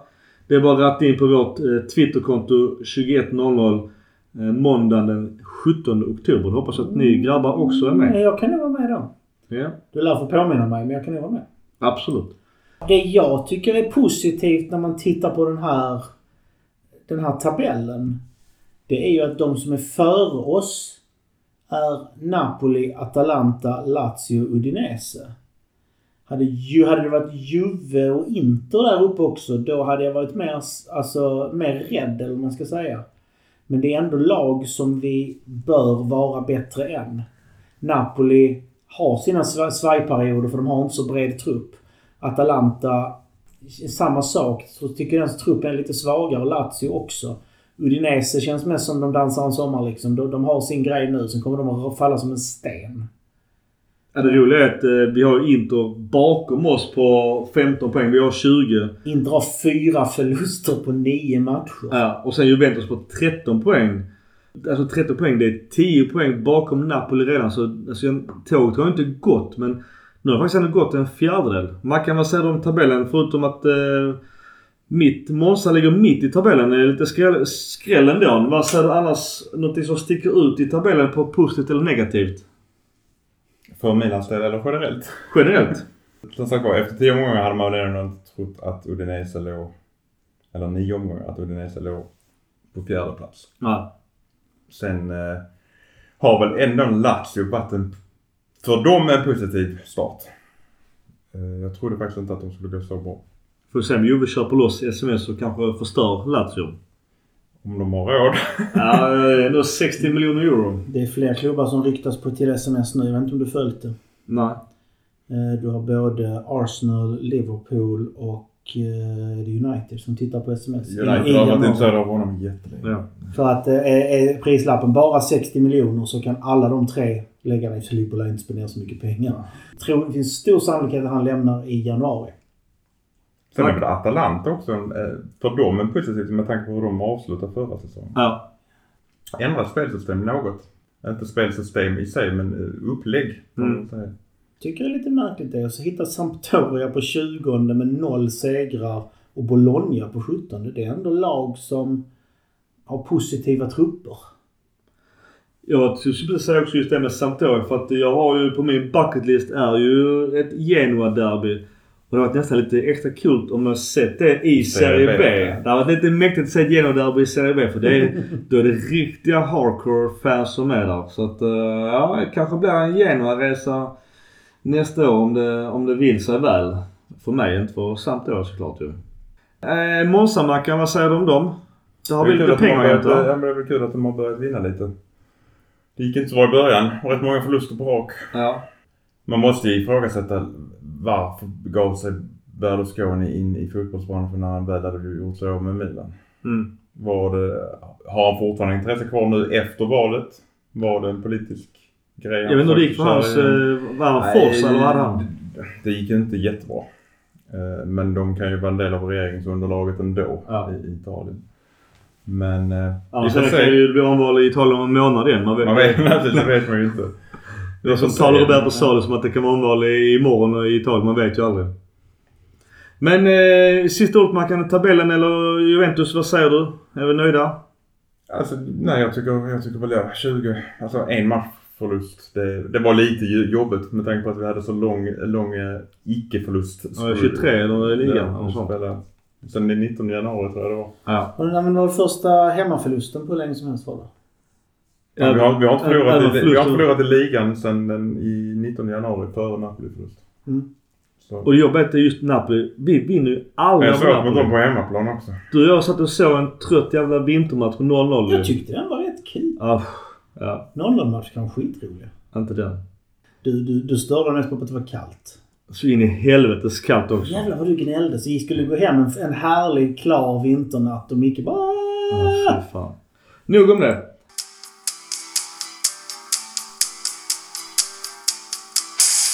Bara snabbt gå tillbaka till Champions League. Däremot vårt eh, U-lag eller ungdomslag. Det är en tittarfråga. Eller U19. tittar- Lyssnarfråga ska jag säga. Vårt U19-lag då Champions League leder faktiskt sin grupp för just eh, Zagreb, Salzburg. Där ligger Chelsea sist. Chelsea är nog erkända har bra ungdomsverksamhet. Så att eh, våra U19-killar, det ser bra ut. Hur många poäng kan du ta väck den där? De har vunnit två och eh, oavgjort två. F- eh, förlorat.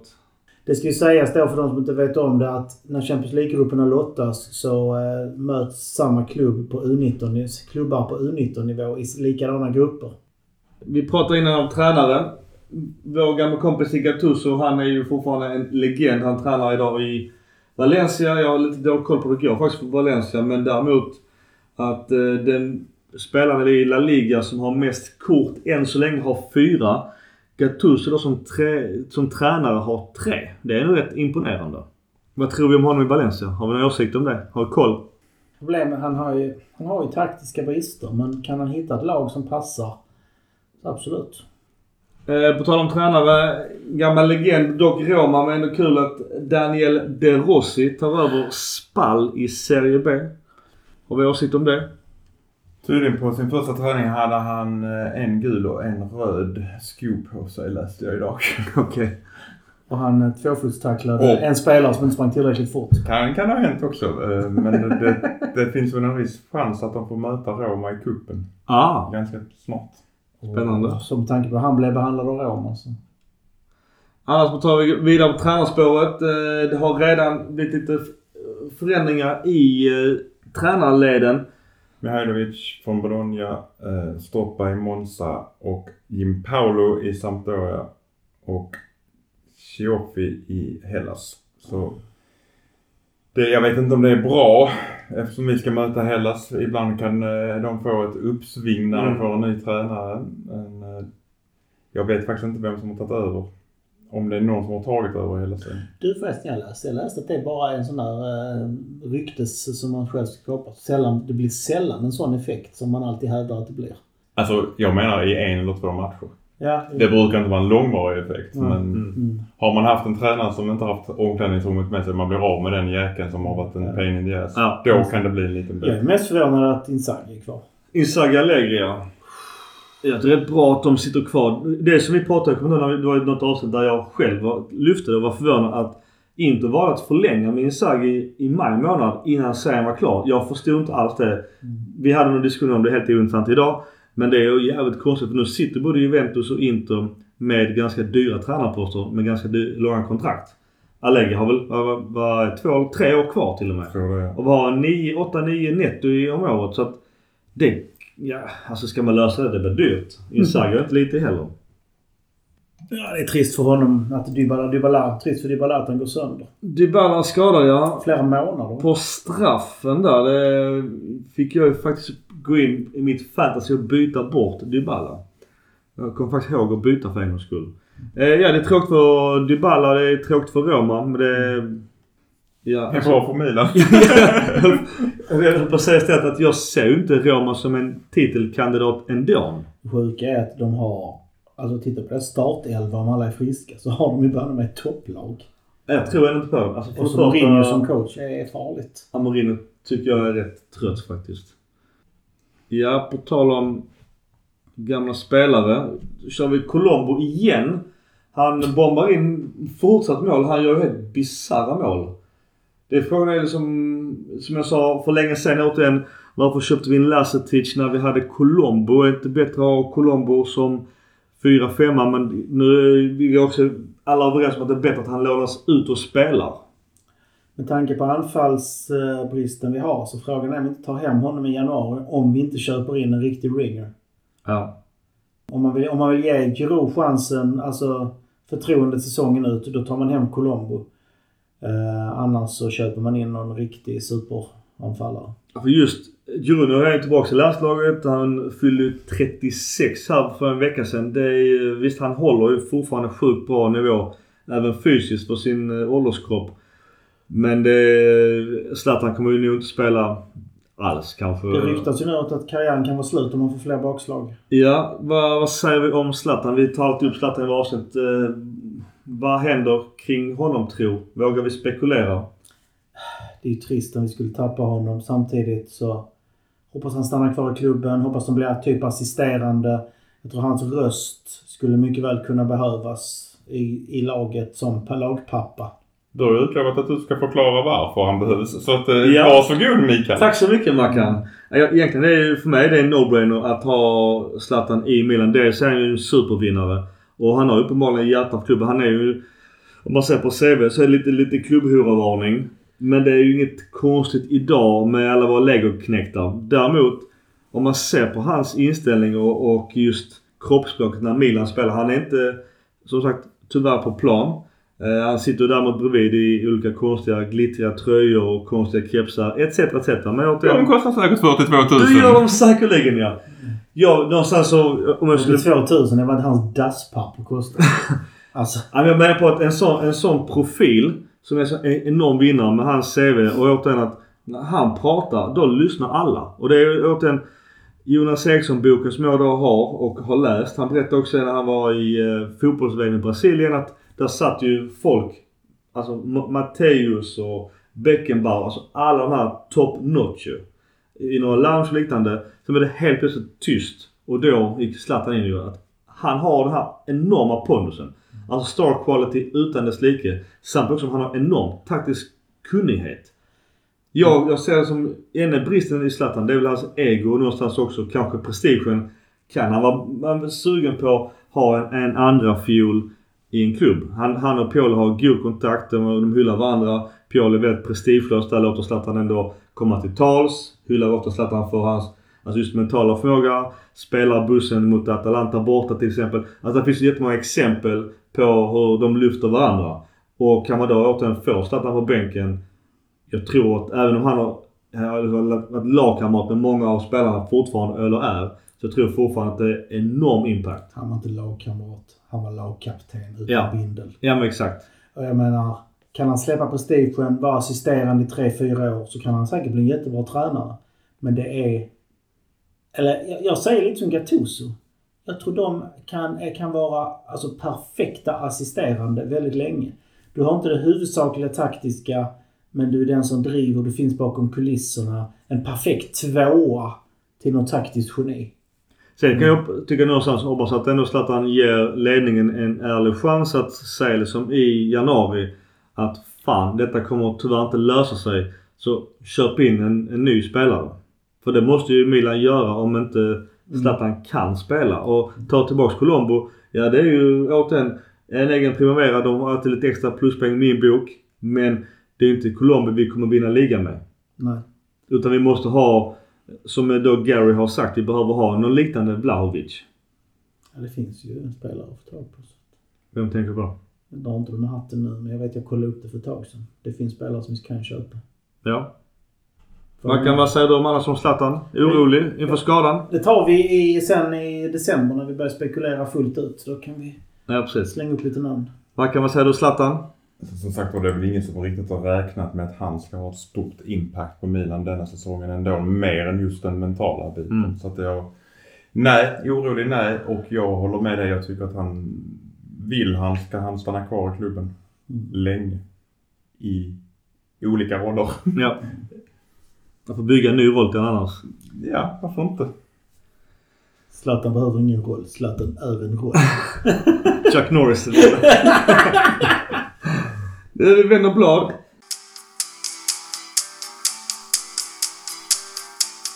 Mackan, du som är vår ekonom och du som har mest koll av oss alla på vad som händer i nyhetsväg i Milan. Vad är på gång? Det ryktas, det är väl inte klart och officiellt, men att de kommer få stor höjning av sponsorintäkter från Puma-avtalet. De siffrorna har vi tagit upp en gång innan. Vi var väl lite...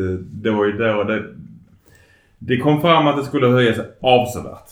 Exakt summa var ju inte klart, men då skulle det även gälla ungdomsverksamheten och damlaget. Ja. Det är svårt att veta vad det betyder just för herr A-laget. Men det kommer att öka drastiskt. Gazettan har lite siffror. Vad, vad säger de? Eh, runt 30 miljoner per säsong. Eh, men det är som sagt var, är, frågan är var pengarna hamnar. Givetvis så kommer 95% hamna hos herrlaget. Ja, men Men hur, hur länge då? ja, till 2028. Ja, så Eh, jag eh, får nog glömma mina Adidas-tröjor med två stjärnor. Förhoppningsvis. Ja, förhoppningsvis. Förhoppningsvis. Nej, nej. Eller så kommer de och där är två stjärnor när de kommer. Ja. Ja, fair enough. Men jag vill inte veta till 28. Det förstår jag. Men och eh, det har även varit rykten om att eh, Emirates kommer att höja sitt sponsoravtal avsevärt. Ja, men det är ju som så. När de ser att klubben funkar, då vill ju sponsorerna lägga mer pengar för att klubben blir mer framgångsrik. Och det här är ju skitbra för fair play, för det här är den ekonomiska doping vi har pratat om. Mm. Det är ju rak inkomster, det ger bara positivt till all, för alla liksom. Man kan vara inne på Emirates på ryggen, eller på magen förlåt. De ger inga pengar till oss, men vad vill de ge Milan? Enligt Gazzetta dello Sport.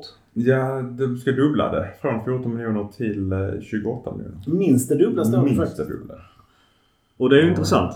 Och då är det, ja det börjar röra sig om lite pengar. Ja, äntligen.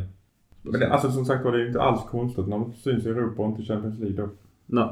vill de inte sponsra lika mycket. På tal annars om ekonomin. Eh, det ju, har gått bra för Milan. Var någonstans hamnar vi i tabellen på klubbar i värde? Då pratar vi misstänker jag i truppvärde. Det är squad value, ja precis. Milan hamnar på 13 plats på 551 miljoner euro. Och vad jag tycker mer intressant hade ju varit att se utvecklingen. Där tror jag vi ligger väldigt högt.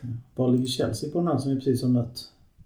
De ligger Femte femma. plats på sex- 862 miljoner. Det är mer än 50% mer. Jag tycker också bra jämförelse just när man är, många är besvikna på vår insats mot Chelsea. Vi får 3 plus 2 i rumpan. Men det som är inne på att Chelsea har femte högst värda truppen. De är värd, den, deras, klubb, deras trupp är värd mer än 50% mer än vår trupp. Chelsea har trupp som är värd mer än Real Madrid och Barcelonas. Man kan väl ta topp eh, fyra efter då, eller Ja innan? men City 1,1 miljarder euro. Liverpool 925 miljoner. PSG 890.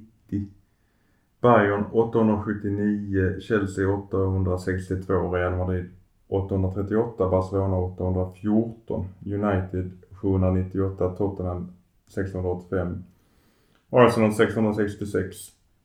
Och sen hade vi väl in, hade vi inte Inter före oss också va? Vi har Inter för oss. De, de är ju placeringen före oss. Atletico Madrid 612 och Inter 593.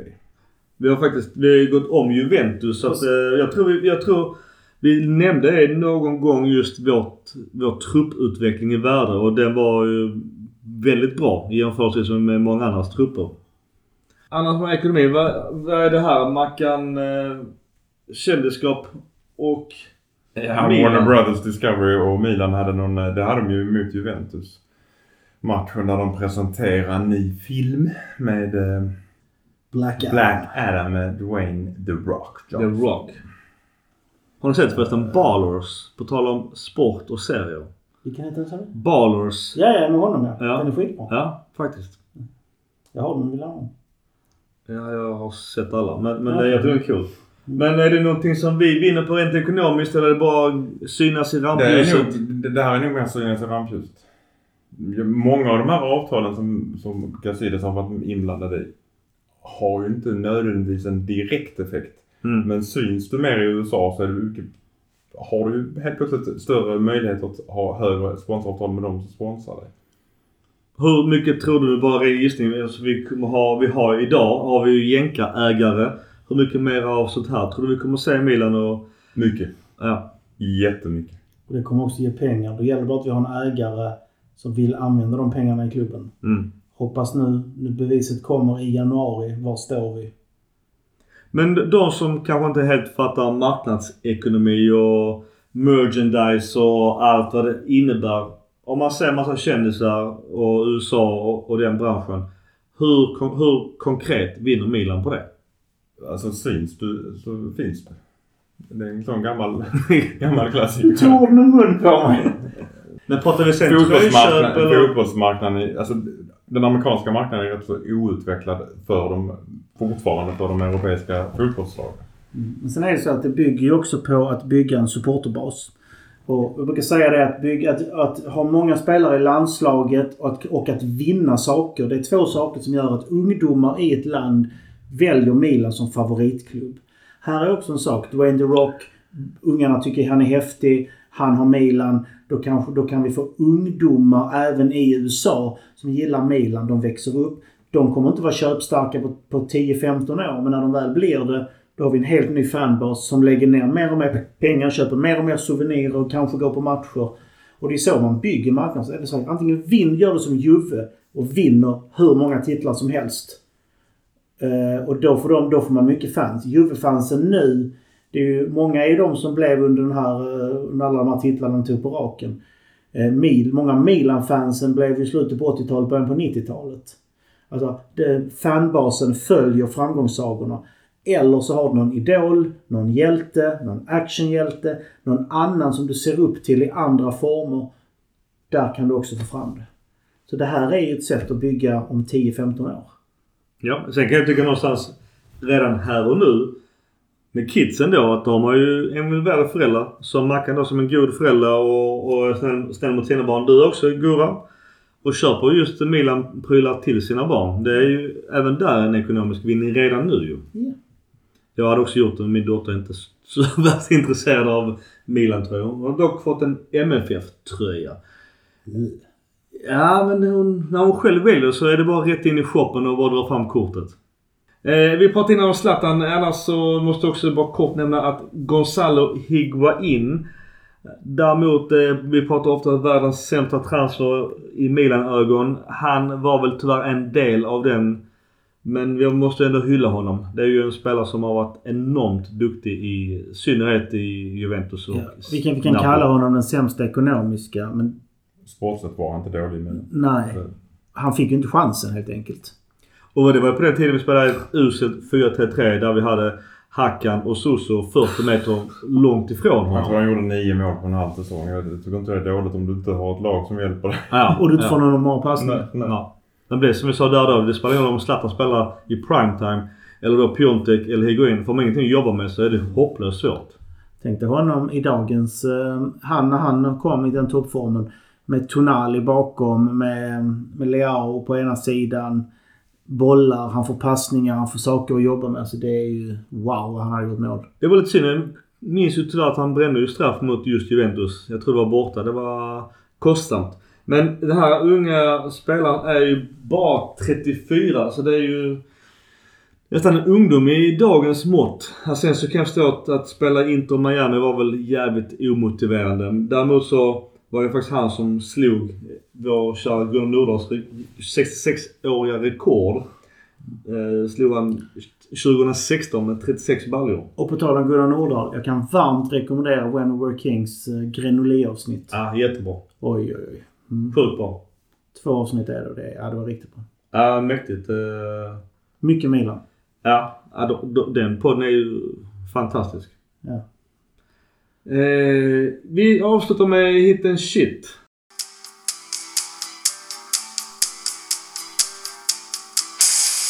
Jag kan börja. Min hit är eh, att vi eh, demoliserade Juve och att Inter och Juve är så pass långt bakom oss i tabellen redan nu. Vilket innebär att det blir viss desperation i de här lagen. Ska du dra igång och jinxa allting nu igen? Vi får väl se. Det, gör ju bara så än så länge. Ja, bra. Än så länge. Inga predictions här nu. Inga predictions utan det har ju bara gått en fjärdedel av säsongen. Jag åt en livesnack eh, nästa måndag. Det har, har gått 10 omgångar in. Nu på måndag. Nu på måndag ja. 17. Och eh, återigen, det är positivt för vi har, vi var inne på innan, den här gruppsammanhållningen är ju enormt viktig. Vi, vi spelar med nästan ett reservbetonat lag men ändå så är det så mycket hjärta. Alla står bakom Pioli. Det är ju väldigt fint att se nu. Spelare kommer in och de vet vad de ska göra. Det är enormt viktigt. Shiten det är ju skadeläget, sjukstugan fylls på. Så pass att det kanske behöver bli, och även för oss är det en viss desperation i januari. Vi behöver värva.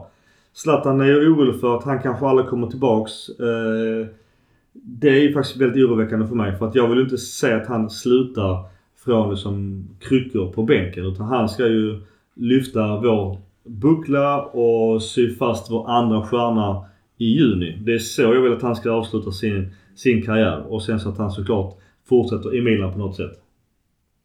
Uh, hitten. Jag tycker vi får en bra utveckling på vissa spelare. Jag gillar utvecklingen på Pobega väldigt mycket. Jag tycker han börjar ta för sig mer och mer. Han utmärker sig sällan. Han tar grovjobb, som någon nämnde här, Ambrosini-jobbet. Men han gör det väldigt bra och han kommer vara nyttig för oss i sjukt många år framöver. Även det man har sett av Kettelen lovar gott. Även om han inte riktigt har hittat rätt. Han behöver den här finjusteringen. Han behöver tweaken för att verkligen bli den dominerande spelare vi vill ha och behöver. Och hur kan man inte säga att det är en shit att spöa Juve? Det är ju alltid det bästa man kan göra. Shitten Eh, har vi ju eh, skadorna som vi är inne på. Eh, jag tycker att kitten är att vi matchar för många startspelare mot Chelsea. Det är, det är tufft att säga att man ska skita i vissa matcher. Framförallt Champions League. Men vi borde lagt fokus på... Här borde de vilat med tanke på det tuffa matchandet och lagt fokus på liga och de andra Champions League-matcherna. Mackan. Hitten är väl, eh, eller min hit är att jag tycker att Leo efter två och en halv match har kommit tillbaka till den formen han hade i slutet av förra säsongen. Mm. Eh, otroligt viktigt för Milans spel. Eh, vad jag tycker är shitten är att i, i vår skadedrabbade, eh, vårt skadedrabbade lag har en spelare som har varit jättebra fram till landslagsuppehållet. Jo, tappat något. Mm. Och det är ännu mer jobbigt då på grund av alla skador. Så jag fortsätter lite på, på din shit där. Ja, det är ju ganska uppenbart. Vi har ju problem med skadorna. Det är, vi får laborera. Det är någonstans också därav, vi har varit inne på det tidigare, mycket matcher. kalanka VM Väldigt lite vila Du menar det omotiverade långa landslagsuppehållet? ja. Det är fan inget VM i november. Jag vägrar säga det. ja, jag vet. Jag förstår. Du är faktiskt mer anti än vad jag Så det är skönt att veta att inte jag alltid är värst med saker och ting. Men jag vet inte hur vi ska få rätt på det här med skador. För att det är ju mycket muskelskador som vanligt. Jag börjar misstänka sådana saker som att planerna på Milanello är för hårda. Men det var det du snackade om innan ju. Ja. Att, eh, men alltså, det, det fin- det finns många sådana förklaringar. Tränar vi fel? Har vi någon fel i rehab? Jag hoppas att det görs en grundlig analys. Det är rätt många skador i de flesta lag just nu. Det är ganska stora orosmoln på, för många stora klubbar. De har själva gått ut och sagt att vi har väldigt mycket skador och det kommer inte bli bättre på grund av det hårda matchandet på grund av landslagsuppehållet i november. Mm. Eh, Så att eh, det är det är faktiskt inte bara. Ni- Titta på Juventus trupp till exempel. Ja. Eh, Inter har många spelare skadade. Eh, Så att det är... Förra året vid denna tidpunkten var det ju mest Milan Ja. som hade skador. Men nu i år verkar det som att... Så du menar att man har många skador vid den här tiden så vinner man ligan sen? Så det är oroväckande många som har många skador Precis, för att sen det- vara i form. Men det har vi också. Jo, men det hade vi förut. Men det är på tal om skador att mm, se Inter idag utan Brozovic. Så på tal om skador. Det är ett mittenlag utan Brozovic. Det är helt otroligt vad de är sämre utan honom. De ska vara glada att de buden de fick på Brozovic i somras inte var lite högre. För då hade de varit tvungna att sälja honom. Ja, och Skriniar vill inte skriva nytt kontrakt. Han utgår en kontrakt i sommar så de kan måste... Ja men ser man sitt som vi handlar med Kessie och den diskussionen att Vågar man släppa honom mycket billigare nu i januari? Det blir jobbigt. Ja, vad riskerar de då? Och varför släppte de Perisic? Jättekonstigt. Det hade jag aldrig gjort. Nej. Pengar. Men men. Han tjänar Ja, nej, nej, absolut. Jag förstår ju bara. Mackan, sista ordet ikväll. Forza Milan! Forza Milan. Är det. Jag tycker han har-